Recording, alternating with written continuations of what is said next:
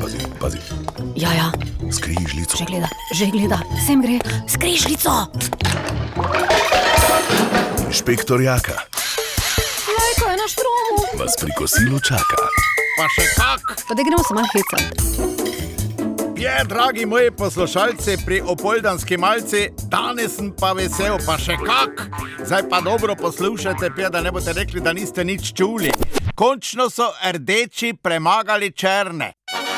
To je začetek svobode. Prišli smo v rdeče svobodno območje, kot nekoč.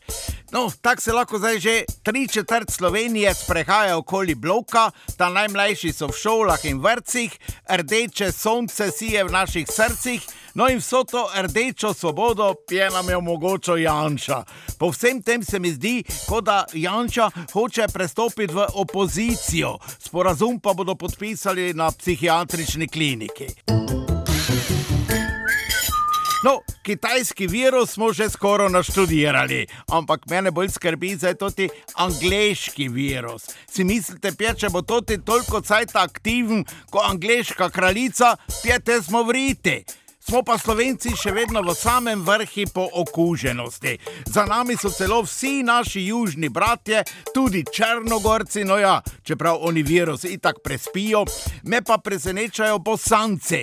To pomeni, da sta se tudi Mujo in Fata spremenila. Redno si umivata roke, ne hodita več na kafico k komšiji, oba sta doma, poslušata Avsenikovo golico in celo televizijo prižigata z rokavico. No ja, če sem odkrit, pje se meni to zdi, kot če bi kura odnesla lisico in srna raztrgala volka. No ja, ampak doktor Bejovičeva ne, nam je to rekla. In ona že ve, če pa sama ne ve, pa je Janša pove. Kacim pa je vse to slišal, no zato ga je Janša utišal. Vse je dan danes pravzaprav tako na pol razumljivo, e, tako tudi našemu poslanci Marjanu Pojbiču, ki že odnegdaj pozna šolo nadaljavo, vedno je namreč oddaleč gledal. In ni mu pa tudi jasno, kako je to mogoče, da ima njegova sestra tri brate, on pa samo dva. No ja, to pa je matematika, ki tudi opoziciji ni čist jasna. Čeprav Rjavec pravi, da ni neumen in da ve, kaj dela. No jaz bi rekel, če bi bil pameten, bi vedel, da je neumno, kar dela. Vse poznate tisto, najprej štalca, potem pa kravca, oziroma najprej 46 glasov, potem pa ite pa rjavca, če mislite, da je taka glavca. Sem pa gledal intervju pije z našim Borotom Pahorjem. Hecno je bilo, ko ga je Rosvita Peskovnik vprašala, zakaj se te on in ostali politiki ne cepijo prvi. Te pa je rekel, ja, čujte, eh, ko bomo imeli dovolj cepiva in bomo videli, da je cepivo varno, se bomo pa tudi mi cepili. No, ja, nič ne bi rekel. Ne? Sploh je naš predsednik lepo govoril in vidi se, da redno uporablja žajfo. Čeprav moram reči, da se s to žajfo pač jaz ne bi umival, sicer pa si sploh več ne bom umival rok, saj sem dobo pije take račun za vodo, kot da vzrejam delfine.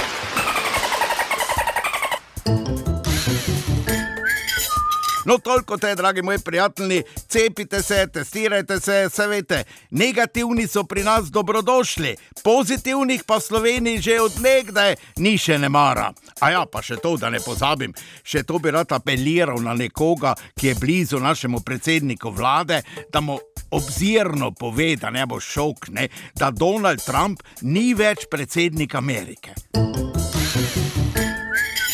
Je pa še to. Jutri prešern slavi, nazdravimo mu vsi, vse takega, kot je on, ga več ni.